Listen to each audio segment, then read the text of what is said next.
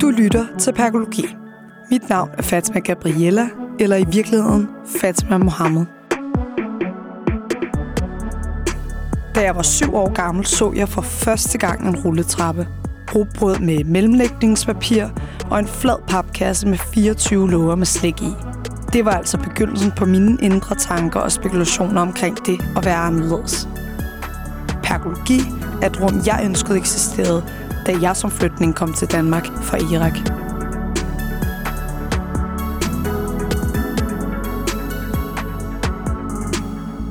Her taler vi om det at være minoritet, og hvilke udfordringer der er ved at balancere mellem to kulturer. Jeg siger bare, at hvis Marie og Bodil får lov til at tage i skole med crop top og shorts, så skal min lille pige også have rettigheden til at tage i skole med det tøj, hun har lyst til. Samtalen kommer fra hjertet, og ikke to historier er ens. Og man er til offentlig debat. Altså, man er til offentlig debat. Det i sig selv er totalt ødelæggende. Jeg håber, at vi igennem vores oplevelser kan finde styrke i vores forskellighed. Det var som om, at de så kun tørklædet. Hate, hate, hate, hate, hate.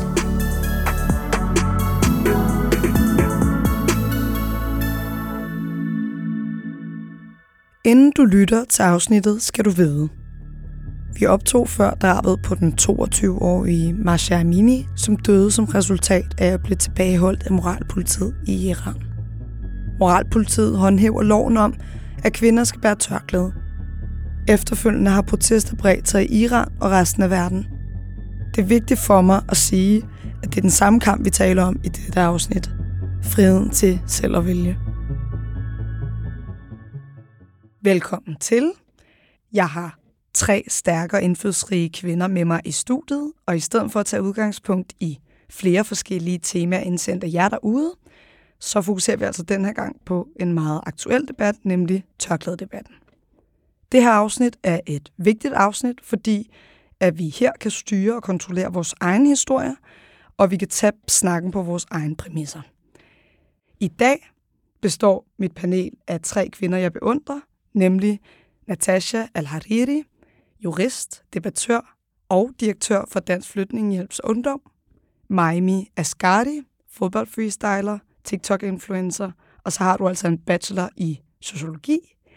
Og sidst men ikke mindst, Salma Badir, international model hos Elite Models, og du studerer altså til eksportingeniør. Velkommen til. Tak. Tak. Og som den opmærksomme lytter nok har bemærket, så har Salma og mig altså været med i et tidligere afsnit her i øh, podcasten. Hvordan er det at være tilbage? Det er fedt. fedt. Tak, tak for at have med igen. Som altid får I lov til at selv at introducere jer selv. Og jeg tænker, at vi starter hos dig, Natasha. Ja, jamen øhm, tak for at invitere mig med. Jeg har glædet mig rigtig, rigtig meget til det her selskab. Øhm, jamen, introducere mig selv. Jeg arbejder til daglig. Mit daytime job, det er øh, at arbejde i Dansk Flygtningehjælp Ungdom, hvor vi arbejder for og med unge, der er flygtet til Danmark. Og lige nu har vi rigtig travlt, fordi at der er et folketingsvalg lige rundt om hjørnet, og som det desværre er med lige præcis den her målgruppe, så uh, kan deres liv og vilkår skifte fra det ene valg til det andet. Vi arbejder virkelig meget for nu her og at prep noget, noget godt kampagnearbejde. Det er ret når, afgørende øh, stykke arbejde, du laver lige nu her. Tak. Vi håber, at det kan, det kan præge valget. Hvor længe er det, du har arbejdet? Lidt over tre år ja. har jeg været der, ja. Så det er det, jeg laver til daglig, udover at være øh, ja, mor til to drenge, øh, som jeg har hver anden, hver anden uge. Jeg tænker, vi øh, går videre til dig, Maimi. Ja. Du har jo været med før, men øh, hvis du kunne introducere dig selv igen. Ja, nu synes jeg, du har gjort det rigtig godt. Men øh, jeg hedder Maimi. Jeg øh, er fodboldfreestyler. Det er en sportsgren, hvor du laver tricks med fodbold, så jeg bruger rigtig, rigtig meget tid på det. Og så er jeg også på TikTok, hvor jeg har 184.000 følgere lige nu. Det er mig. Og så er du også ude og lave foredrag? Ja, øh, det er så ikke mit main job, men jeg har været rundt på folkeskoler og holder foredrag, hvor jeg taler omkring, hvordan det som minoritet kan være at vokse op i et land, hvor du møder fordomme og diskrimination. Håb lidt på, at vi kan være med til at forme de øh, yngre børns mindset og ja, formindske de fordomme og diskrimination og racisme og alt det der, der er øh, fremadrettet. Salma. Ja, så er der mig. Hvis vi slutter... Øh... Øh, Ja, jeg er halvtid model, halvtid vinduespusser, og så nu er jeg startet på studie. Så det er tre ting, jeg skal jonglere. Øh, så... hvordan, hvordan har det været siden, øh, siden sidst, du var inde? Fordi nu er du rent faktisk startet ude på studiet. Nu er jeg startet, og det, det er fandme hårdt. Det er det. Det, er, det kræver meget mere, end jeg lige havde forventet. Øh, men det er bare at holde fast. Jeg bliver nødt til at... Hold jeg skal ud. have den uddannelse. Ja. Det, der er jeg stadig, ja. Øhm, og så, ja, så... Hvad er det, der er anderledes, end hvad du forventede? Jeg forventede bare, at det var sådan lidt noget. Det er fordi, jeg kørte over gymnasiet. Jeg, gymnasietiden, der var jeg bare sådan, du ved, jeg behøver ikke lave lektier, alt det der. Jeg kan bare snakke mod af tingene. Det Ja. er meget faktabaseret. Ja. Det er meget sådan, et rigtigt svar. Så det ja, kan så bliver man mere. rent faktisk nødt Ja, til at lave det forarbejde, det kræver. og, Nej. nej. det gør det hårdt arbejde. Så ja, det er det, og så, ja, så ud over det, så kan jeg godt lide at lave velgørenhedsarbejde. Så Ja, fordi det har du lavet her på det seneste. Du Ja. har været under buen. jeg har været under buen og holdt et øh, fodboldevent, og skal til Uganda her til december øh, ned og Ja, fordi det event, det var øh, et event, der skulle støtte op omkring, og det var ligesom en indsamling, var det ikke det? Jo, det var en indsamling ja. til et event, der bliver afholdt nede i Afrika i Uganda, øh, som vi skal ned og være frivillige til. Øh, og så de penge, vi så har samlet ind, tager vi med os. Jeg vil starte med at tage udgangspunkt i mine oplevelser med tørklædet. Alle kvinder i min familie bærer tørklæde, og tørklædet har altså fyldt meget øh, for mig i mange år af mit liv. Da vi flygtede til Danmark, flyttede vi en del rundt på Sjælland, og jeg har altså talt det til at være 12 forskellige adresser på CPR-registret.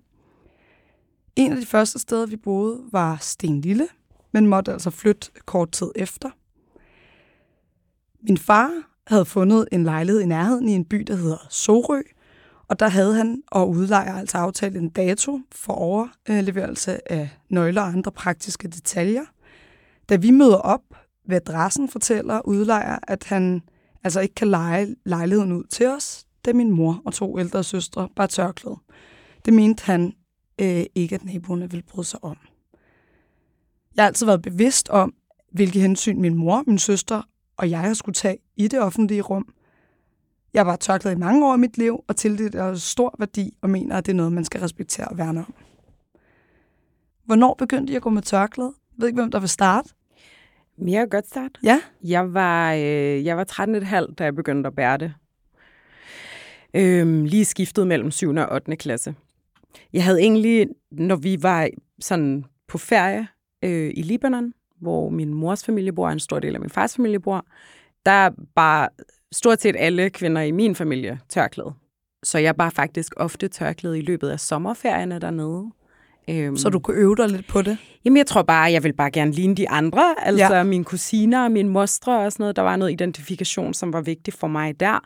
Og jeg ved ikke, om I andre kan genkende det, men sådan, følelsen af ikke at føle sig hjemme rigtigt nogen steder. Ja. Eller sådan, Mm. øh, det, det følte meget for mig øh, som barn, ung og voksen. Så jeg tror, at det her med at vælge at bære tørklædet i perioder var vigtigt for mig. Øh, men så var det faktisk også sådan, at mine forældre bad mig om at tage det af, når vi skulle hjem igen til Danmark, fordi de mente, jeg var for lille. Jeg voksede op ude i Hellerup, Ja. ja. lige nord for København, og jeg husker ikke at have set andre unge. Det er ikke et område, hvor der er mange. Nej, det er Andre, det ikke. nej. Det er det ikke. Øh, og især ikke, og på min skole var der ikke andre end mig. Så jeg tror, mine forældre var meget påpasselige med, hvad de, skulle, altså, hvad de kastede mig ud i, og jeg tror ikke, eller de havde ikke en oplevelse af, at jeg rigtig vidste, hvad jeg sådan Gik ind til. gik ind til. Øhm, så da jeg var de der sådan, 13 år hen over sommerferien, så tog jeg det på dernede, og så tog jeg det med hjem. Kan du huske, hvordan det føltes? Jeg kan totalt huske, hvordan det Ja. føltes, fordi det var super grænseoverskridende faktisk at lande i Kastrup Lufthavn. Altså på en eller anden måde som en anden, men stadigvæk som mig selv. Ja. Og jeg kan huske, at jeg var nervøs over at møde mine klassekammerater øh, og mine, mine veninder. Så jeg ringede, jeg tog sådan en ringerunde og sagde sådan, hey, I skal bare lige vide, jeg går med tørklæde nu. Og de var sådan, Det er ret rørende egentlig. og Ja. jeg, jeg kunne bare mærke, sådan, det var vigtigt for mig, at, at, sådan, at de hørte det fra mig, Ja. ja. før vi mødtes i skolegården. Og jeg kan især huske, øh, min barndomsveninde Nana, hun var sådan, okay, men kan vi stadig bare hænge ud? Og jeg var sådan, ja, ja, totalt. og det var det. Det er så fint. Det er så fint, og jeg tror virkelig sådan, de har jo også kommet meget i mit barndomshjem og kender min mor, og så for dem var det jo ikke fremmed. Det var egentlig en, en sådan nem nok overgang. Der var alt muligt i forhold til, jeg havde ingen at spejle mig i rent sådan stylingmæssigt. Det var nok min største udfordring, at sådan, jeg lignede bare, I don't know. Det var ikke, det var ikke Altså, jeg flot. Kunne godt, vel? jeg kunne det var godt ikke flot. at se det. har du nogle billeder fra den tid? Ja, det har jeg. Det er, okay. det er godt gemt væk, Det vil jeg kan- sige. Ja, fordi Miami. Vil du starte med at fortælle, hvornår du begyndte at gå med tørklæde? Ja. Jeg startede med tørklæde en måned efter, jeg startede i 4. klasse, så jeg tror, jeg var 10, skulle til at fylde 11. Og jeg startede egentlig med at bære tørklæde, fordi mine to bedste veninder gjorde det. Og jeg vil vildt meget ligne dem, så jeg tog det bare på. Øh, det sjove er faktisk, på det tidspunkt, så havde min mor ikke tørklæde på. Hun havde taget det af, da hun kom til landet, fordi at folk, der havde været ældre end hende og mere erfaren, havde ligesom fået øh, fortalt hende, at, at det, der er konsekvenser for at være tørklæde i Danmark, og at det kan være svært for dig at finde jobs, og så videre. Så hun stolede ligesom på de ting, de, hun, de havde fortalt hende, og hun smed sig tørklædet. Øh, så da jeg tog det på, så havde hun det ikke på. Øh, hun tog det så på to år efter, jeg havde gjort det. Hun havde tænkt sig at tage det på. Formålet var jo, at på et tidspunkt, hun ville tage det på. Så kan det Hun godt være, modig at, nok øh, til at gøre det til Nej, nej. og så tror jeg bare, det blev speedet lidt mere op, for da hun så min 10-årige lille datter ligesom ikke tænkte over de konsekvenser, der var bare gjorde det, fordi hun synes, det føles rigtigt. Hun så, du var modig. Og så, ja, Inspirerede du hende? jeg tror, jeg fik speedet processen op i hvert fald. Ja. Lad os bare sige det på den måde. Så da du ja. starter med at gå med tørklæde, der er du 10 år gammel. Jeg var 10. Hvor lang tid går der ind til din mor ser sådan, okay, Ik- det ikke er også det lang tid. for mig. Jeg tror halvandet år. Ikke så lang tid i hvert fald. Øhm, for hun havde jo intentionen om at sætte det på. Det var bare lidt, ikke lettere. Det er måske ikke det rigtige ord. Det er altid svært at starte med at tage tørklæde på. Man er bange for, hvordan folk reagerer. Og det er markant sværere, jo ældre man bliver. Altså, jeg har så meget respekt for dem, der har taget det på som 18-19-årige, end mig, som har taget det på som 10-årig, bare et lille barn, der ikke forstår, hvad der sker. Ja, Så jeg forstår godt, at det har taget hende så lang tid, og det har været svært for hende. ja fordi Øhm. senere hen er du blevet en del af din identitet, ikke? Jo, jo, men jeg, jo, altså, jeg, jo, jeg kan ikke huske, hvordan det har været ikke at have tørklæde på. Det er ikke noget, man savner. Men hvis man som 20-årig tager det på, så er der jo mange oplevelser, man har haft, som man basically ikke har mere, Ja. når man vælger at tage tørklæde på. Ja. Men Salma, hvis, hvis vi går videre til dig. Mm. Du var lidt ældre end Miami. Ja, jeg var lige blevet færdig med 9. klasse. Ja. Øh, jeg havde besluttet mig. Jeg overvejede at tage det på. Øh, min søster tog det på tidligt. Det der, det kommer fra. Hun tog det faktisk på, ligesom dig, Natasha, efter mellem 7. og 8. klasse. Øhm, og der tænkte jeg, jeg startede med at tænke, shit, min, øh, min lille søster har gjort det, nu skal jeg også gøre det. Så begyndte jeg at gå i panik, og så siger min mor og far, du skal ikke bare tage det på for at tage det på. Det er bedre, at du venter, og så tager det på, når du selv føler for det. Og så besluttede jeg mig i 9. klasse, okay, nu vil jeg gerne have det på. Og så begyndte min hjerne at tænke igen, okay, shit, tager jeg det på? Skal jeg bare møde op på en random dag? Hej alle sammen, jeg har tørklæde på. Eller hvad skal jeg gøre? Du ved, jeg tænkte, hvad gør jeg, hvad gør jeg, hvad gør jeg? Jeg begyndte at tænke alle mulige planer og løsninger. Og så kom jeg så i tanke om, at jeg skulle på gym. Og det er jo et nyt gymnasium med nye elever. Så jeg ventede til i Frisk sommerferien. start. Så jeg tog det på i sommerferien, lige efter måske en uge før den sluttede. Og så tog jeg det på. Og så øh, startede jeg på gym. Og så, der var jo stadig nogle mennesker, jeg går jo stadig i runde i min by og sådan noget. Så jeg fik meget kommentarerne med, vi har jo set dit hår, så Mm. hvorfor, hvorfor har du tørklæde på? Hvorfor gemmer du det? Vi har, jeg ved jo godt, hvordan du ser ud. og der var mange, der også sagde, sådan, vi har jo billeder af dig. åndssvagt. Ja, Det ja. Drenge, jeg har, det er fordi, jeg har haft rigtig mange mine folkeskolevenner, sådan, der boede i området. Jeg var meget tætte. Jeg havde flere drengevenner end pigevenner, basically. Øh, så de var jo joket også, men vi har jo et billede af dig her uden, så hvad er meningen så? Øh, og så jokede jeg jo bare tilbage og sagde, I ved jo ikke, om jeg har farvet det, klippet det, så, og det finder jeg aldrig ud af. Så det var meget sådan, men øh, ja, jeg tog det på efter 9. klasse. Så den proces i virkeligheden, den inddragede du ikke andre i, men du synes, at det var en god timing at gøre det i forbindelse med nyt gymnasiestart. Ja, fordi Ja. jeg gad faktisk godt tage det på i 9. Det var der, hvor jeg sådan selv begyndte. Fordi der kom meget fokus på tørklædet og sådan noget. Så det var der, hvor jeg begyndte at tænke, hvad, hvad er der, hvad er der, hvorfor er der den had? Så jeg studerede selv, og så blev jeg egentlig forelsket i tørklædet, hvis du kan sige Ja. det måde. Islam og alt det der. Hold fast i ens sandhed selv. Ja, og ikke Men jeg gik i panik i 9. klasse, og jeg tænkte, det kan jeg ikke. Så jeg begyndte jo at tænke, hvad gør jeg så? Og så gjorde jeg det så i, i, i gymnasiet, ja. Hvad betyder tørklæde for dig? Øh, altså tørklædet er jo en del af mig nu. Øh, og det var, dengang var det vejen til islam. Altså det var sådan, jeg kom ind i islam og ligesom fandt min egen vej. Jeg er jo født muslim. Der er mange, når de, når de er bare født muslim, så er du bare født ind i is- islam, så du ved jo ikke så meget. Du tager bare fra dine forældre. Øh, så det er meget vigtigt, at man selv ligesom også sætter sig ned og siger, Opsøger noget Ja, ja, præcis. information. Og, så er det ligesom der, jeg fandt islam, og ligesom ja, i den proces. gennem det. Lige præcis. Miami, hvad betyder tørklæde for dig? Ja, altså jeg har jo haft det på længere tid, end jeg ikke har haft det på. Jeg kan slet ikke forestille mig et, en hverdag uden et tørklæde. Øh, min aller, aller første interview, jeg var med til, jeg tror, jeg var 14 eller 15 år gammel, 14, sted folkeskole, øh, hed Pigen med tørklædet, og handlede omkring mig, der spiller fodbold, der havde tørklæde på. Så det har bare altid været en del af mig, noget jeg kunne lide, og så er det, Det er en stor del af også... din identitet. Ja, altså ja. alle kender mig som pigen med tørklæde, der spiller fodbold og laver tricks, eller pigen med tørklæde på TikTok. Og det er faktisk sjovt, fordi de forveksler mig i Salma rigtig, rigtig meget. Meget. Med hinanden, så jeg kan møde nogen på gaden og siger, ej, er det ikke der, der spiller fodbold og model? Er bare som, vi er to forskellige mennesker. og vi, vi får altid navnet sådan, tørklædemodellen, Ja, ja. tørklæde fodboldpige. Ja, eller, så- ja. Er det symbolsk for dig? Ja, selvfølgelig er det også det. Øh, det repræsenterer jo en religion, jeg holder meget af, øh, og noget, jeg ikke skjuler. Så det betyder meget for mig. Der er måske også noget ro i det for dig. Der er en del ro. Jeg ved, jeg ved virkelig ikke, altså, hvad jeg skulle gøre, hvis sådan en forbud blev til en ting. Altså, det, Lad os nu antage, at det var i den tid, hvor du gik i grundskolen. Ja. Ja. Du startede jo i 4. klasse. Ja, ja, det vil jo ramme lille Mimi, Ja. og hun vil få at vide, at nej, du må ikke tage det på. Jeg, jeg, jeg ved virkelig ikke, hvad jeg skulle have gjort. Altså, vi vil nok have fundet på andre alternativer, andre måder til tørklæde på, med hjælp af forældre og sådan noget. Men øh, jeg kan slet ikke forestille mig. Jeg ved, jeg har gør, no ja. words. Natasha, hvad betyder tørklæde for dig?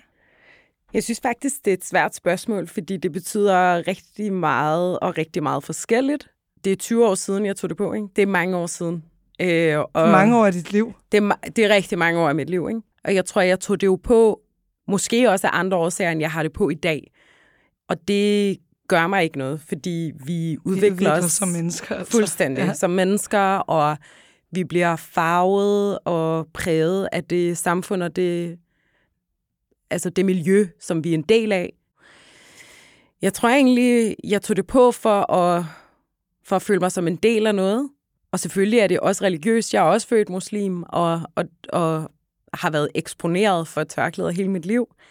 Jeg har også beskæftiget mig med hele sådan, tørklædet i samfundet i rigtig mange år af mit liv efterhånden i den Er det offentlige en debat. del af din sådan, stolthed, når man sådan...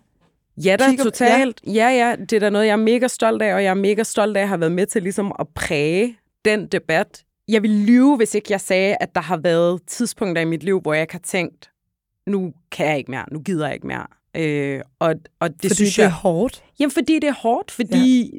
det er det første, folk ser.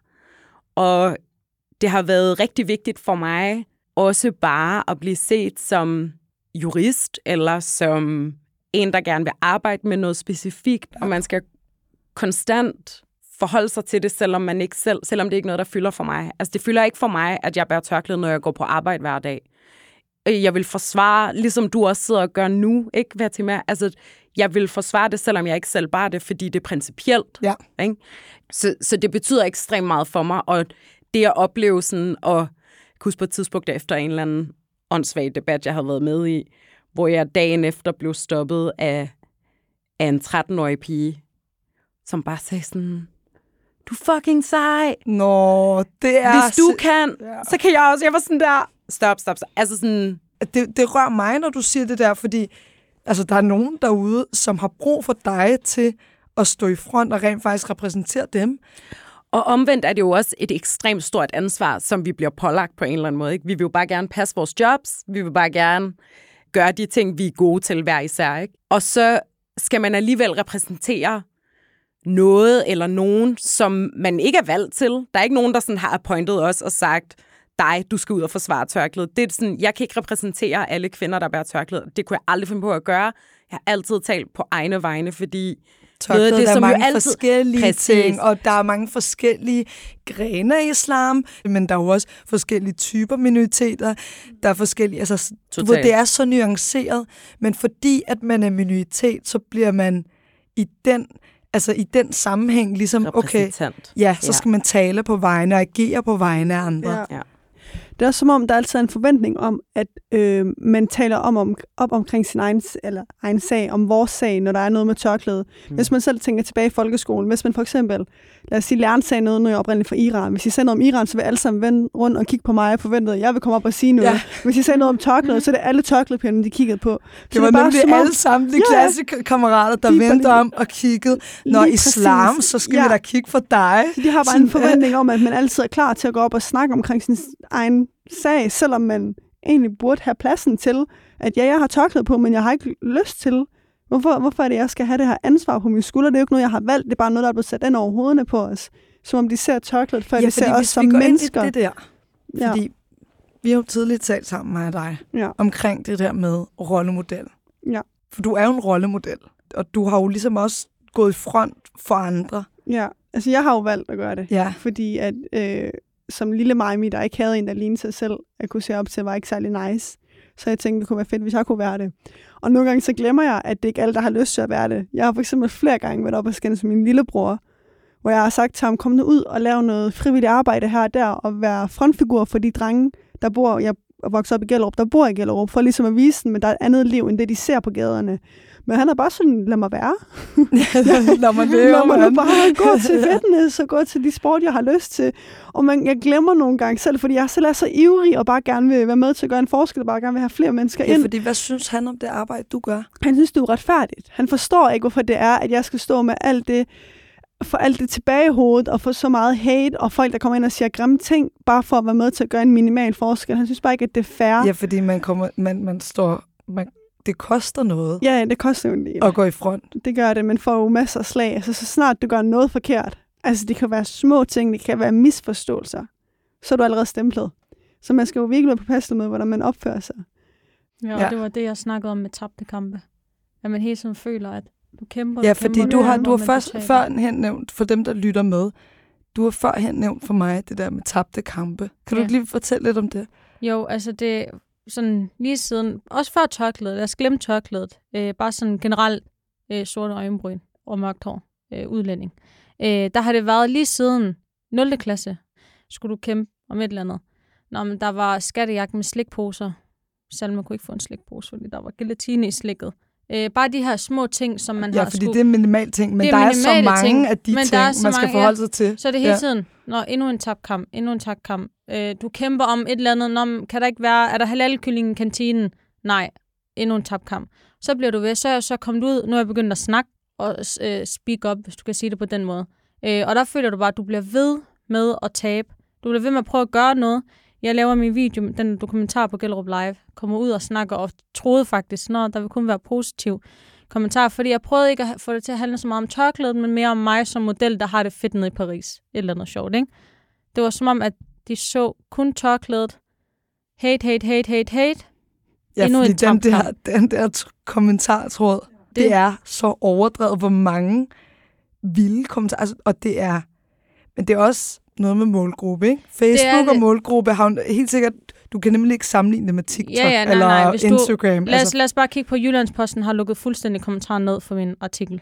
Det er Jyllandsposten. Giver det mening? Øh, men det er bare tab på tab på tab på tab på tab kamp. Du føler hele tiden, du rammer ind i en mur. Jeg prøver Hvorfor? at gøre et eller andet, men der sker jeg, ikke jeg, jeg forskel. ved godt, hvad du mener, men, men lad os lige antage, okay, du synes, det er tabte kampe. Det er jeg det, du føler, nævner. Jeg, jeg føler, jeg kæmper for noget, som bliver ved med at blive tabt. Altså, som jeg bliver ved med at tabe. Hvorfor os- kæmper du så, Salma? fordi at jeg, jeg skal. Ja. Jeg føler, at det, altså, det er et Det er blevet ansvar, en del af jeg dig. ikke... Ja. Ja, det er mit ansvar. Det, jeg bliver nødt til at gøre det. Og dengang, det, det, det har meget at gøre med, dengang jeg startede som model, der ledte jeg efter andre med tørklæde, andre modeller med tørklæde, andre, ja. jeg kunne skrive til. Skrev til en af de største med flere millioner følgere. Selvfølgelig svarede hun mig ikke. Jeg forventede heller ikke et svar. Men, men, men det var problemet i, ligesom også mig og mig, vi snakkede om tidligere, inden vi kom, det her med, der er lige blevet lavet en en Barbie-dukke med en med tørklæde. Der er ikke nogen Disney-film med nogen med tørklæde. Du føler hele tiden, at du skal kæmpe. Vi skal ud og snakke. Vi skal snakke om det her, for at der kommer en eller anden Disney-figur med, med en pige med tørklæde. Hvorfor er der ikke det? Hvorfor er det ikke normalt?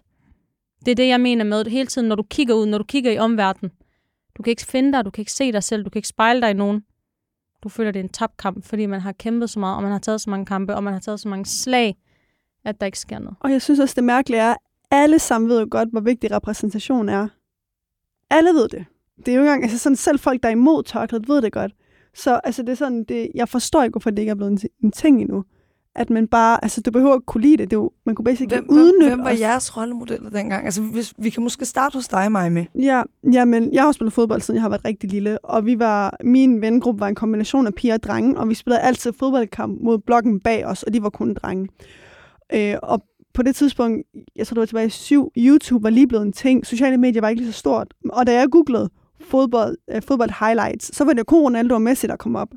Og jeg kan bare huske, at jeg bare Ronaldo. elskede ja, Ronaldo. Det var bare hans tricks og hans attitude og hans selvtillid.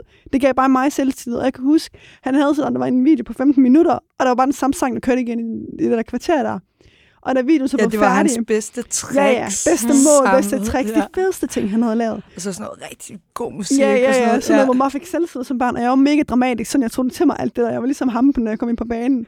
Du fik, du tog hans drive og energi med. jeg, jeg er lige så god som ham. Jeg skal Sweet. vise det. Jeg kan ikke ligesom definere, hvor god jeg er. Lige præcis.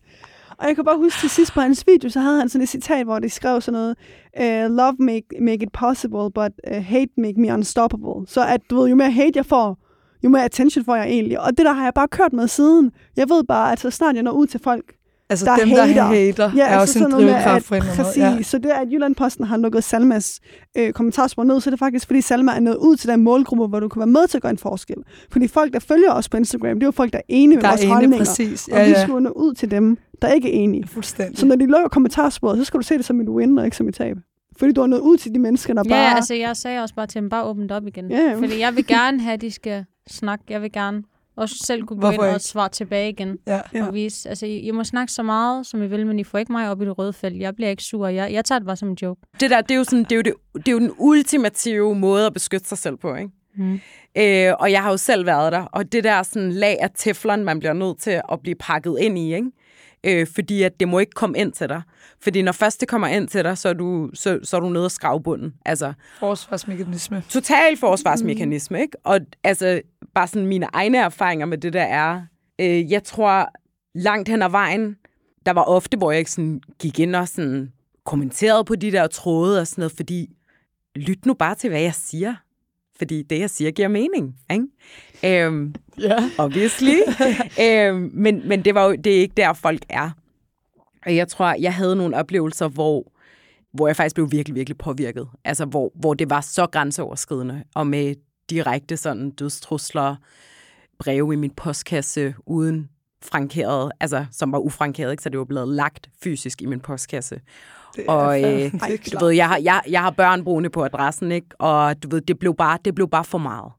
Det blev bare for meget. Og, og sådan, jeg har virkelig haft det ofte sådan, at når folk spørger det der med, hvor, hvorfor stopper du ikke bare, hvis du synes, det er hårdt, eller hvis du synes, det er svært? Altså sådan, Ja, Jeg tror, jeg for forestiller mig- mig faktisk, at de der kommentarer, de kommer meget ofte af nogen, der faktisk godt vil en godt. ja, du kan jo Sådan, bare, kan du bare Pas nu på dig selv. pas nu på dig selv? Husk nu at passe på Ja, dig selv, ja, og du ja. skal ikke tage mere på skulderen, end du kan bære. Og det er fucking blindt. Det er fucking blindt at sige de der ting, fordi det her, det er mig, og det er sådan her, jeg ser ud. Selvom jeg er bare tørklæde eller ej, jeg er stadigvæk brun, jeg er stadigvæk... Jeg er sådan, min identitetsmarkør er så tydelig, at jeg kan ikke bare lægge det. Er ikke et arbejde, jeg bare sådan kan frasige mig. Om vi ved det eller ej.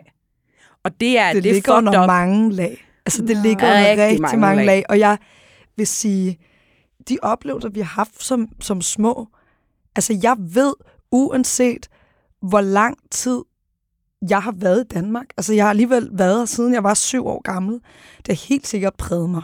Men uanset hvor meget jeg bliver præget af det land, jeg bor i, så ved jeg, og jeg kan ikke beskrive hvordan, men jeg ved lige så meget som mine to fødder på jorden lige nu, så ved jeg, at det er en sandhed for mig, at jeg er muslim. Og så er der jo mange forskellige lag af islam. Altså, der er jo, der er jo også det kulturelle. Altså, selvom at islam er en religion, så er det noget kulturelt, der ligger. Men man bliver hele tiden påvirket, eller man, man skal i hvert fald forholde sig til rigtig meget hver evig eneste dag, Hmm. af noget, der er så anderledes. Ja. Jeg bliver i hvert fald meget rørt af de her snakke, fordi det er netop det der med, okay, du går i fronten, du tager en masse slag, men du ved også godt, at det er det rigtige for dig at gøre. Fordi hvis du... Hvad er mit alternativ? Ja. Jeg ved ikke, hvad mit alternativ er. Og jeg tror, at det at være vokset op øh, et sted, hvor jeg, du ved, man var sådan en lille...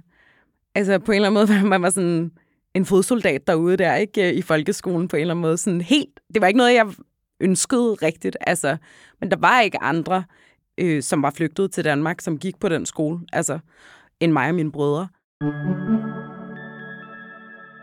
Nu skal vi tale om tørklædet. Mere simpelt som et stykke stof. Hvad synes du om det? Om den formulering, eller Ja. hvad? Jamen, jeg synes egentlig, det jo, den er meget præcis, for det er jo det, tørklædet er. ja. Altså, det er jo et stykke stof. Men jeg synes, øh, jeg synes altid, det har været meget interessant at finde på måder at sætte mit tørklæde på. Og mit har set meget forskelligt ud. Altså, jeg har båret det på mange forskellige måder. ja, fordi hvordan kan du godt lide at style dit tørklæde i dag? Jamen, jeg kan godt lide at style det sådan, som jeg har det på i dag, og til lytterne, så er det stylet som en turban, og det er nok det, jeg har haft stylet det som i længst tid. Hvor lidt af halsen er synligt, men Ja. det er håret primært, der tildækker. Ja, lige Ja. præcis. Lige præcis. Når man sætter det sådan, eller når jeg sætter sådan, så stiller man sig også i sådan et, i et sted, hvor jeg får ofte at vide, at det er jo ikke et rigtigt tørklæde, du har på. Altså af muslimer for eksempel, ikke? Som er sådan, det kan du lige så godt tage. Okay, vildt. Det kan du lige så godt Er tage. det, er det, er det, even ofte, bother. er det ofte, du får sådan nogle kommentarer? Jeg fik det for eksempel her i forbindelse med debatten om tørklædet, ikke? hvor folk er sådan, why do you even care, du har jo ikke tørklæde på. Nej, okay. Så det er bare bare ret sådan lol. to, to grupper, der bare... ja, ja, angriber. havler man ned. Jamen, sådan har det faktisk for det meste været, ikke? I bærer det faktisk på tre forskellige måder. Hvis ja. Ja. vi bare lige går igennem her, bare lige til at starte med. Mm. Natasha, du har et sort, øh, en sort turban på, og Maimi, du har et tørklæde på, der er inspireret af Iran, vil jeg sige. Ja. Øhm, der er en skærm øh, for, øh, for oven. Det gør det måske praktisk at spille fodbold. Ja, det er nok bare noget, der er nemt at tage på. Det er sådan typisk, det børn har på, lige når de starter med at tørklæde på. Jeg starter med at sætte det her på, der er i fjerde. Ja. Nu er jeg 23. Jeg har Ja. stadig det samme på. Det er præcis det samme. er det præcis det samme tørklæde? det er et tørklæde. Det er det samme tørklæde, jeg har haft på i 13 år. Ej. Salma, du har et lidt andet tørklæde, men det ligner lidt Maimis, men du har ikke skærmen for... Og, For oven, nej, mit det er bare stramt hele vejen rundt omkring. Og så er det ligesom mig, med også sådan en hueagtig, man bare trækker ned over. Altså uanset hvordan man så stylede sit tørklæde, så vil folk jo have en mening om det. Altså uanset om det er den ene eller den anden eller den tredje gruppe. Men jeg synes noget af det, som, som, som er blevet tydeligt for mig over årene, og måske særligt, da jeg begyndte at bære turbanen mere og mere, at folk for eksempel blev i tvivl, om det var et, altså om det var et tørklæde, jeg bare eller sådan et fashion statement. Ja. Eller, Nå, men altså ægte. Jeg har stået i en lufthavn, hvor jeg er blevet spurgt, er det sådan, er religiøse årsager, du har på, eller er det bare en hue? Øh, fordi hvis det var religiøse årsager, så måtte jeg godt beholde det på, og hvis det bare var en hue, så skulle jeg tage den af. Øhm, så folk bliver, folk bliver forvirret, øh, og det gør Ja, ja, mig sådan set ingenting. Har din mor tørklæde på? Ja, Hvordan bærer hun det? ikke sådan her. Nej, bærer, bærer, hun, bærer hun det som en øh, traditionel hijab? Traditionelt tørklæde, okay. altså sådan et kvadrat, bliver bukket over, så det er en Ja. trekant rundt om ansigtet med en det nål. er firkantet, Det er som man firkantet trækker- store, ja, præcis. Ja. Er det med sikkerhedsnål, hun bærer Ikke det? sikkerhedsnål, bare sådan en, bare en nål, en knappenål. En knappenål. Ja. Hvem er dig, Maimi? Hvor køber du dine tørklæder henne? Min mor, hun laver den. Øh, jeg har prøvet rigtig, rigtig meget forskelligt. Øh, enten så har det ikke klædt mig, eller så har det siddet ubehageligt. Øh, jeg har prøvet det der Nike hijabs tørklæde, og det var forfærdeligt. Hmm. Det har været, altså det har virkelig været non-hijabis, der har lavet det tørklæde. ja, det er det. Nej, Mm, men, 100. og Natasha, hun er enig. Ja, er, det, ja. er det fuldstændig... Øh, Jamen, er det er jo ikke komfortabelt. Nej, nej, altså, det er fint nok branding-wise. Det er, Men et, altså, og det er et sportstørklæde, det Hvis burde folk sidde ikke godt. køber det og bruger det. Ja. Det, det, altså, det er så forfærdeligt. Jeg har prøvet det, jeg har prøvet Adidas, jeg har prøvet dem, Ja. jeg skal stå det og popper dit brands. ud. Ja. Sådan, og så helt sådan her. Men også bare, det sidder Er det for dårligt. stramt? Det er ikke kun det, der er forskellige størrelser. Ja. Og stør, altså, jeg, jeg tog medium på, og den var for stor. Jeg har et stort hoved, så det burde passe mig. Men det er sådan, det er ubehageligt. En ting er, hvis det sidder grimt, det er en ting. Og den sidder rigtig, rigtig grimt. Det er måske, det ikke passer mit æggehoved. Men, men det sidder også ubehageligt, og et sportstørklæde skal sidde godt. Det er derfor, jeg Så går med det, var, det sportstørklæde. er ukomfortabelt. grimt. og grimt. grimt. Ikke kun Ja. grimt værre end grimt, hvis der er noget. Har du Ja. prøvet det, Salma? Ja, altså, jeg fordi har de har... Okay, er du enig? Ja, ja, 100. Ja. Altså, jeg har også prøvet uh, Adidas. Ja. Øh, det er for løst, sådan, som om at der er Ja. ikke noget elastik i det. Jeg tror, ja. Som om at, jeg ved ikke helt, hvad der er, de ting, der... De Nike tænker bare en hættetrøje, bare lidt længere op. Ja. ja. Hvad med dig, Natasha? Hvad bruger du, Jeg bruger bare et to meter langt sort stof. Som du kører rundt Ja. flere gange? Ja. Ja. Og hvordan synes du, det sidder? Altså turban? Hvordan, altså, er det praktisk? Det er faktisk ikke super praktisk, hvis jeg skal være helt ærlig. Men altså, du ser godt ud. Altså, så, så det er ja, mindre du ved- praktisk, men Ja. du kan godt lide looket. Jeg kan godt lide looket. Det er ikke super praktisk, altså, øh, fordi hvis det blæser rigtig meget, så skal jeg have mine hørebøffer på. for det ikke falder af. en aften på dansegulvet, det skal lige ud og sættes en gang til. Ja, altså, så skal det, du lige ud og kigge efter det. Ja, ja, ja totalt. Og, men det er fint nok. Ja, ingen, ingen brok. Ingen brok. Jeg ingen brok, ingen brok fra den her side af. Jeg tænker, hvis vi bare sådan helt basalt går igennem de forskellige. Der er jo turbanden, som vi har talt om. Den dækker håret dels, mens hals er synligt. Øh, med mindre du har en tølning på. Det er jo nok forskelligt fra dag til dag. Så er der den traditionelle hijab. Øh, tørklædet øh, dækker håret, hovedet og halsen. Så er der tøjdot. Det er udbredt i Iran. Øh, det er hele kroppen, der er tildækket, men kun ansigtet, der er synligt. Så er der niqab. Det dækker krop øh, og ansigt, så kun øjnene kan ses. Og så er der altså burkaen, som dækker alle områder på krop og ansigt. Vi skal tale om valget. Hvorfor er det egentlig vigtigt at tale tørklæde lige inden valget? Sådan, tror I, det er tilfældigt? Nej. Bare så, nej, men helt, altså, de gør det jo. Politikerne gør det for opmærksomhed. Øh, lige nævne det, enten ligesom med tørklædeforbuddet lige inden valget, for lige at Træk nogle stemmer? trække nogle stemmer. Ja. Vi hader stadig islam, er I med os? Øh, eller gå ud og lave den omvendte. Eid Mubarak, jeg håber, I har det alle sammen godt. Øh, husk nu, vi var imod tørklædeforbuddet. Ja. Ja. ja, og så lige efter de bliver valgt, så, ja, så viser de lige deres sanja igen, ikke? Vi havde også tørklædet. Øh, og så repeat. på det. Ja. Hvad, hvad siger du, Natasha? Tror du, det er tilfældigt her inden valget? I, Er der er der- ikke noget af det der, der er tilfældigt. Alt er meget strategisk planlagt, tror jeg. Det er jeg slet ikke i tvivl om. Altså, som I jo også siger, det her det handler kun om at trække nogle stemmer. Det er jo ikke afgjort. Altså, valget er overhovedet ikke afgjort øh, på forhånd.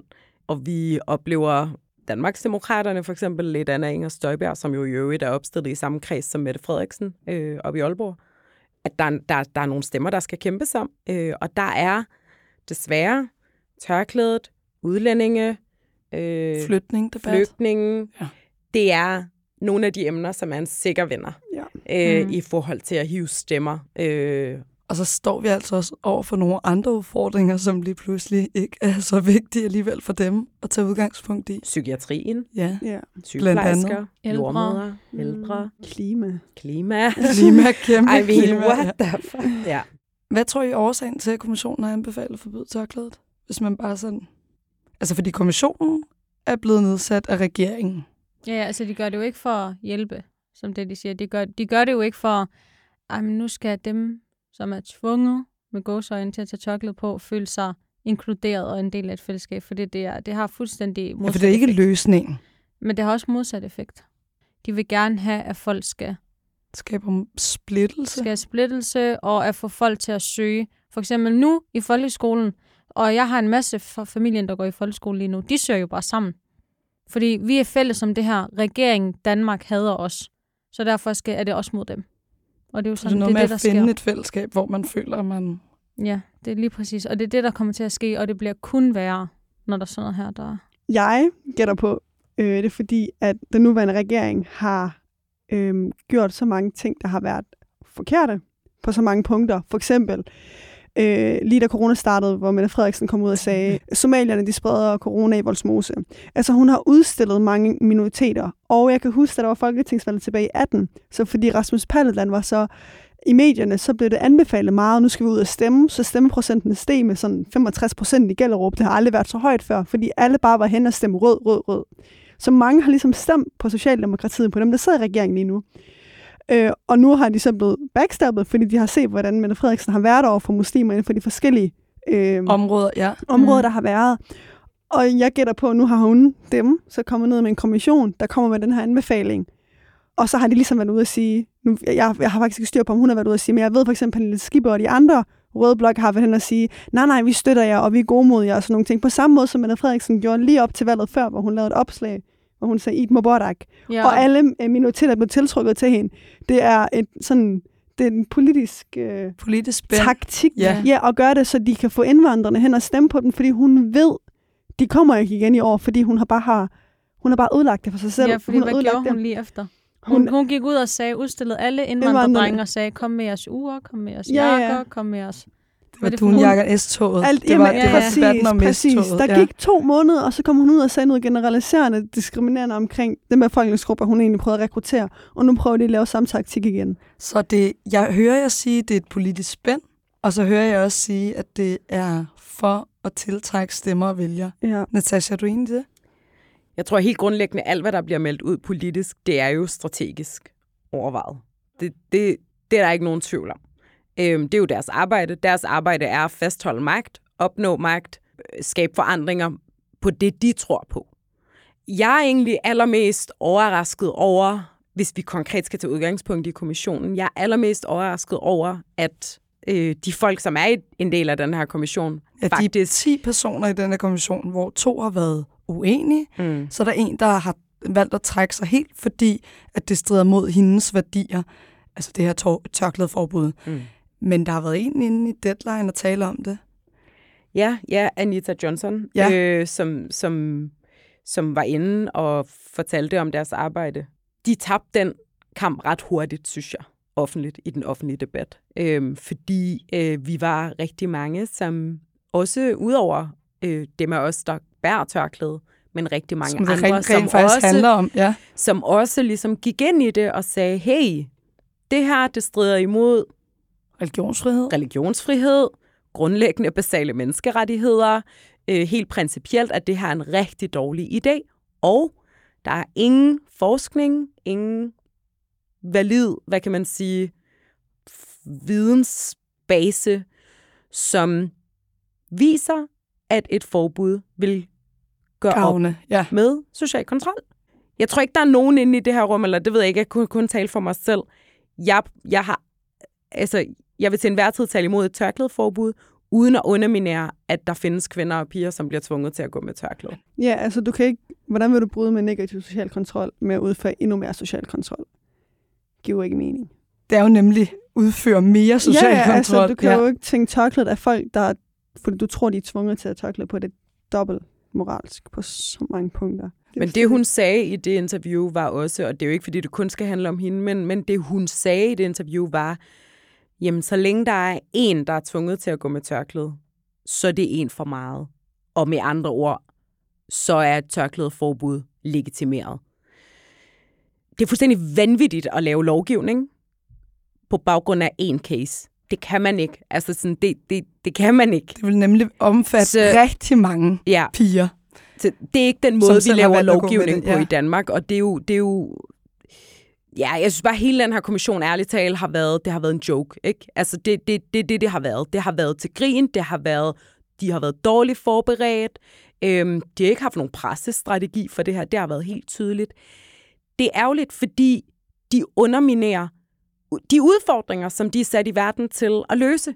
Det er nok det, der som er frustrerer mig allermest. udfordringer i Totalt. vores samfund. Der er reelle udfordringer, og hvis man havde nedsat en kommission, som havde intentionen om at lave reelle løsninger, så havde jeg haft meget stor respekt for det, og så havde vi måske ikke siddet her og snakket i dag om det Netop. her. Altså, hvorfor er det egentlig vigtigt, at vi har forskellige mennesker siddende inde i Folketinget? Fordi vi ved jo, at mange, der sidder inde i Folketinget, har læst statskundskab eller jura, altså godt kender regler og love og sådan nogle ting. Det er jo, det er jo meget vigtigt. Men øh, det dækker ikke forskellige øh, sociale lag heller. Nej. Altså, der er nogen, der sidder derude og vedtager lov på vegne af os, men der er noget af viden, der ryger, fordi det er rigtig få, der rent faktisk har haft en, øh, en opvækst med fattigdom, og der er ret få, der bærer tørklæde. Øh, Ingen. Der er faktisk ingen lige nu, nej. Hvorfor er det vigtigt, at der sidder for- forskellige mennesker inde i Folketinget, Maja? Nu er det lidt måske generaliserende at sige, men de forstår jo også ikke på samme måde, som vi selv gør. Øhm, jeg søgte ind på mit studie, sociologistudiet, efter jeg som 15-årig var til et helhedsplanmøde med andre sociologer fra kommunen, der skulle lægge en plan over, hvordan vi skal fikse Gellerup og få den ud over ghetto-listen. Og jeg kan huske, de idéer, de kom med, var sådan noget med, lad os sende pigerne på efterskoler. Og jeg var bare sådan, som 15-årig skulle stå og diskutere med, der var 50, at det kommer jo ikke til at fungere. Strukturen hvad skulle her... Du, hvad skulle du gøre godt? Og sådan, øh... Øh, at børnene bare skulle du ved, integreres i samfundet, og ikke blive i Gellerup, og ikke øh, starte på Langkamp Gymnasium, hvor flertallet, majoriteten af eleverne er indvandrere alligevel. Sådan nogle ting. Synes du, der er en udfordring i de ghettoer? Altså, synes du, der er noget af det, der giver mening? Nej, jeg synes slet ikke, den måde, de har gjort det på lige nu, er godt. Og det er også derfor, jeg sad og tænkte på det tidspunkt, at det giver absolut ingen mening, at folk, der ingen anelse har omkring, hvordan de her familier fungerer, skal stå og finde på løsninger. De ved jo ikke bedre. Det er jo ikke fordi, at de er dårlige mennesker, der er ved os det dårligste. Det er bare fordi, de ikke ved bedre. De har bare lært noget ud fra en bog, der er blevet skrevet 100 år siden, hvor der næsten ingen minoriteter var i Danmark. Øhm, så jeg valgte at søge ind på grund af det, for jeg tænkte, jeg kunne måske være med til at gøre en anden forskel, for mm. forskel, som de ikke kan være med til at gøre. Og det er samme grund til, at vi har brug for flere minoriteter i Folketinget end andre arbejdspladser i Danmark. Salma, Mm. Hvad jeg tænker hvordan synes du egentlig, det her det strider imod øh, din frihed? Eller religionsfriheden i det hele taget? Altså, først og fremmest bare sådan generelt om Folketinget. Sådan, når du spørger om, hvorfor sådan det der med repræsentativitet og så videre. Altså, jeg, selvom hvis jeg fik den gyldne mulighed og blev inviteret til, at jeg vil være i Folketinget, så vil jeg sige nej. Fordi jeg føler ikke, det er et sted, du har lyst til at være. Og jeg har ikke set noget positivt sådan nu i forhold til at hjælpe, at du oprigtigt føler, at det vil hjælpe. Det, det, det har ikke været der i mange, lang tid, meget lang tid. Og ja, selvfølgelig, vi kan snakke om øh, Gellerup. Ja, der er selvfølgelig der er nogle dårlige ting, og øh, nu er jeg vokset op i et dansk etnisk område, og efterfølgende fået udlandske venner, så jeg har jo ligesom, jeg kan jonglere mellem to forskellige kulturer og Ja, fordi du har senere hen fået nogle venner, som også bærer tørklæde. Ja, som også bare Hvorfor er det vigtigt for dig?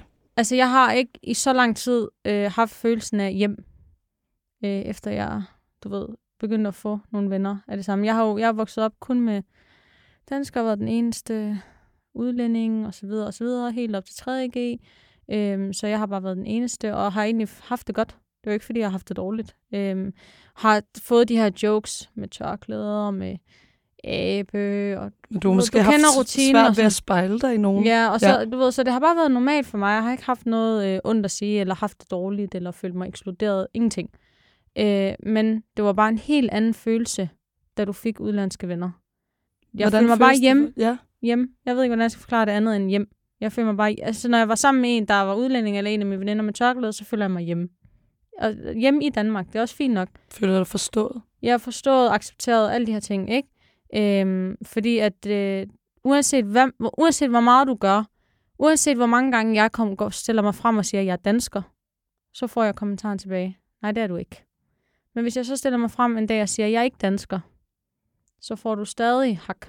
Okay, men hvad Altså laver du så i uanset Danmark? hvad du egentlig gør. så Uanset det- hvad du ja. gør, uanset hvad du siger, uanset hvor integreret du er, uanset hvilke... Jeg vil gerne være politibetjent, men det kan jeg ikke, for du har tørklæde på. Uanset hvor meget du prøver at bidrage med noget, du kommer ingen vegne. Øh, jeg vil gerne være advokat. Jamen altså, hvad, hvem vil ansætte en, en advokat med tørklæde? Det, det, det, det er de tanker, du hele tiden har, så du føler dig ikke fri. Du føler dig begrænset af alle mulige ting. Hvordan kan vi være med til at sikre, at det her forbud ikke kører igennem? Jamen blandt andet ved at gøre det, som vi har gjort de sidste tre ugers tid.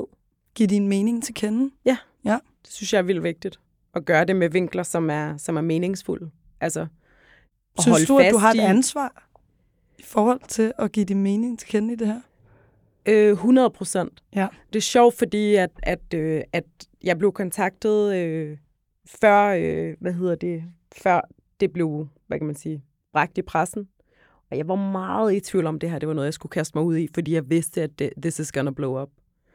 Og blev ærligt talt virkelig, virkelig påvirket øh, af det. Og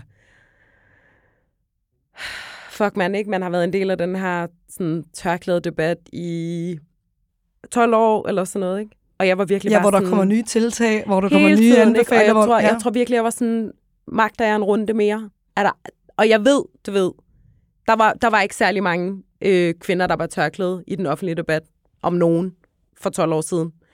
Det er der nu, og platformene er mange, og folk udtrykker sig forskelligt, og det er fucking Internettet stærkt. fylder os rigtig meget. Helt vildt meget, og det, er sådan, det, det blev en bevægelse, ja. fordi folk udtrykte deres, deres stemme på mange forskellige måder. Og jeg tror bare sådan, det følelsen af, at jeg ikke stod alene på noget tidspunkt, var rigtig stærk og meget, meget unlike nogen andre tørklæde debatter faktisk, som jeg har Så deltaget du, i. du synes faktisk, den her gang er det anderledes sammenlignet Meget. med tidligere, fordi der Meget. er flere, der rent faktisk kommer ud og, Ja. og i talsætter de her ting. Ja. Hvis vi tager udgangspunkt i det her, hvad vil det så betyde for jer, hvis forbud går igennem? Salma, hvis vi starter hos dig. Altså for mig, så vil det jo bare betyde, at igen, endnu en tabkamp, endnu et skridt tilbage i tiden. Endnu et... Øh, jeg, jeg føler, det er pinligt, og jeg føler, at øh, det, jeg føler, det er værre at være etnisk dansk, som er imod det her, end det er for mig. Ja. Fordi at du er, det, det er hele Danmark, og hele verden kommer til at snakke om det, hvis det går igennem. Ligesom når Frankrig går ud og siger et eller andet, når burkini på stranden må ikke øh, være der. Så jeg synes, jeg, det er pinligt, og det er, jeg, ved ikke, jeg ved ikke helt, hvad, hvad jeg skal sige til det. Jeg kommer stadig til at, lad os sige, at de laver et forbud mod alle med tørklæde. Ikke nødvendigvis kun grundskole. Jeg kommer stadig til at gå med tørklæde, og jeg har en søster, der tit snakker om tørklæde, der går i folkeskole. Jeg vil da også bare opfordre hende til at blive ved med at gå med tørklæde, selvom der er et forbud. Øhm, Ja, fordi så finder man på alternativer. man finder, ja, selvfølgelig du finder på alternativer. Jeg jo godt sige til en norm, bare tage en hoodie over hovedet, ikke? Og lukke den ind, stramme den ind, men det er jo ikke tørklædet. Det er jo, det er jo, det er jo tørklædet, hun, hvis det er det, hun godt vil have på, så er det det, hun skal have på. Så hvis det her forbud går igennem... jeg Så vil sige- det måske faktisk gå ind og påvirke din lille søster. Nå ja, 100 procent. Ja. Og det, det vil også påvirke os, som ikke går i grundskole, altså som mm. ikke går i skole, øh, i folkeskole. Fordi at det, det rammer lige så meget os, som det rammer dem. Vi er en del, lige så snart tørklædet bliver nævnt, så er det os alle sammen. Det er ikke kun øh, de unge, eller dem, der går i folkeskole. Hvad vil det betyde for dig, Maja, hvis det her forslag, det går, øh, Øh, hvis den her anbefaling? Altså, det er jo totalt diskriminerende. Jeg forstår overhovedet ikke, hvordan det er lovligt overhovedet at komme op med sådan en her idé ved faste. Og det andet er jo også bare, at det får en til at føle, at man ikke er velkommen. Det er som om, at de siger til dig, gå ud. For det er jo ikke bare, jamen så skifter jeg bare sko, eller skifter bare bukser. Det er jo ikke bare det. det er jo, der er jo et symbol over det. Og det er som om, at de står indirekte siger til os, at vi vil ikke I have ikke jer her, I er ikke Nej. velkommen, gå ud. Og som 23-årig, så er det hårdt at høre, at et land, man egentlig elsker og gerne vil være med til at bidrage til, ikke gider en. Så forestil dig, hvordan det er at gå i 4. klasse, og lige at starte med tørklæde, eller være sammen med lillesøster, og så få at vide, Nå, lille pige, du skal ikke være her. Ja. Du hører ikke til her.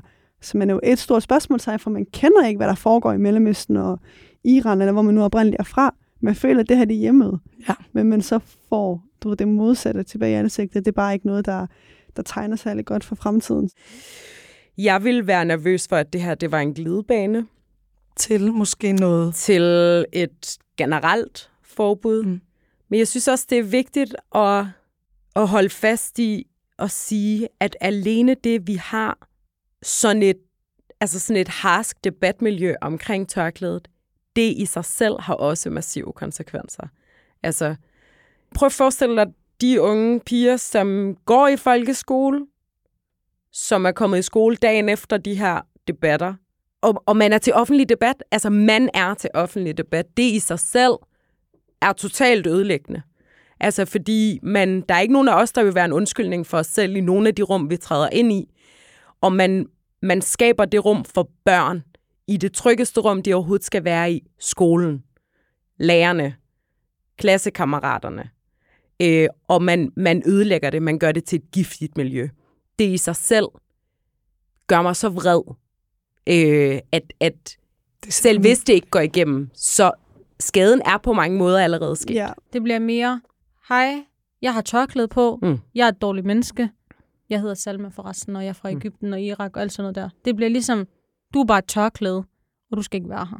Så de glemmer ligesom alt det andet. Ja. det er bagved. De ser altså tørklædet, før de ser os som mennesker. Nu ved jeg godt, det her, det her spørgsmål, det, øh, det ved jeg ikke dækker over nogen af jer, fordi du har to drenge, Natasha. Du har ikke nogen piger i grundskolen. Maimi og Salma, I, ikke, øh, I har ikke børn. Nope. Men jeg vil alligevel stille det. Hvis vi, hvis vi leger den her leg, vil I sende jeres børn uden tørklæde i grundskolen, hvis det her det blev øh, vedtaget? Hvis vi starter hos dig, Natasha. Nej, det er lidt ligesom alt muligt andet, ikke? Altså, øh, øh, et meget springfarligt emne. Øh, hvad hedder det? Omskæring. Hvis omskæring blev forbudt, vil man så stoppe med nødvendigvis at udøve den religiøse praksis, som muslimer og jøder udfører. Det tror jeg rigtig mange jøder og muslimer er enige om, at det vil man ikke nødvendigvis gøre. Man vil finde på, man vil Andre finde på alternativer, andre ja. alternativer eller andre måder Andre øh, og komme udenom lovgivningen ja. på. En hoodie over hovedet, en paryk oven på sit hår, alle mulige dumme alternativer til At fastholde. at give folk lov til at være dem, de gerne vil være. Mm. Så du vil finde på alternativer, er det, jeg hører, du siger. Vi bliver nødt til at stå fast på, at vi har ret til at være her på den måde, som, som, som mennesker har ret til at være i verden på. Øh, og til enhver tid stå op for de rettigheder, vi... Der er ikke nogen, der giver os menneskerettigheder. Det er, sådan, det er nogen, vi skal holde ved lige. Og det, det er det, den her offentlige debat er i gang med. Den er ved at holde vores menneskerettigheder ved lige og i live. Og det er, det er meget, meget vigtigt, at vi bliver ved med at gøre det. Hold fast. Ja. Hvad siger du, Maimi? Vil du sende, øh, vil du sende din pige i skole, hvis du havde sådan en? 100 p. Altså, jeg siger bare, at hvis Marie og Bodil får lov til at tage i skole med crop top og shorts, så skal min lille pige også have rettigheden til at tage i skole med det tøj, hun har lyst til. I don't care.